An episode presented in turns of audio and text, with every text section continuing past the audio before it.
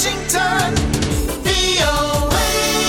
Halo, apa kabar? Kali ini bersama Dania Iman dari VOA di Washington, D.C. Kematian mendadak musisi legendaris Prince di usianya yang ke-57 tahun telah membuat sedih tidak hanya para penggemar dan pecinta musik, tetapi juga sesama artis, terutama mereka yang pernah berkolaborasi dengan Prince. Salah satunya adalah produser musik sekaligus penulis lagu L.A. Reid yang mengaku masih shock akan kabar tersebut. Yeah, I'm still in shock.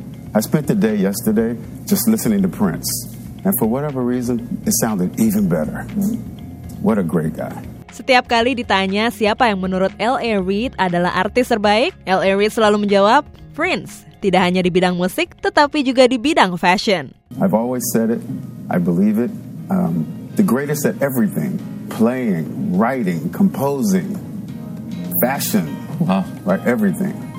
The masculinity of Teddy Pendergrass, but he could take your girl wearing high heels. L.A. Reid mengakui kehebatan Prince sebagai seorang musisi yang handal yang menguasai beragam jenis musik, mulai dari rock, jazz, funk, dan masih banyak lagi. In the beginning, when I first learned about Prince, you know, he he was like the blueprint for how do you make it in music for young musicians like us.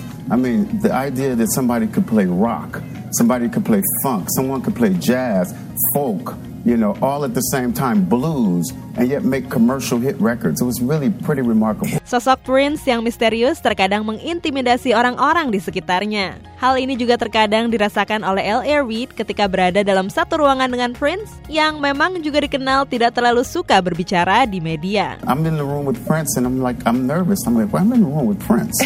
and he's looking at me like, come on, pipe down. We, we have to talk here, you know. But I was always in awe of him. It was really something special. But I didn't get what I didn't get shyness. What I got was theater and and mystery. You know, um, like he didn't love talking to the media. I know he loved talking to you, but he wasn't a big fan of talking to the media. But in private, Oh, he could go. Selama hidupnya, Prince telah berhasil meraup tujuh penghargaan Grammy atas karya musiknya dan namanya berhasil masuk ke dalam daftar bergengsi Rock and Roll Hall of Fame pada tahun 2004. Dan Iman melaporkan dari VOA di Washington, D.C. VOA.